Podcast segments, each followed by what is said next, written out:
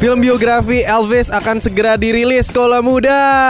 Siapa nih yang suka Elvis Presley nih? Jadi rencananya film ini akan ditayangkan pada 24 Juni mendatang. Sutradaranya ada Baz Luhrmann pada Kamis 17 Februari kemarin dia upload trailer film tersebut di Twitter. Kaulah muda, Netflix kembali akan menyajikan deretan konten Korea termasuk drama yang siap untuk mengebrak 2022.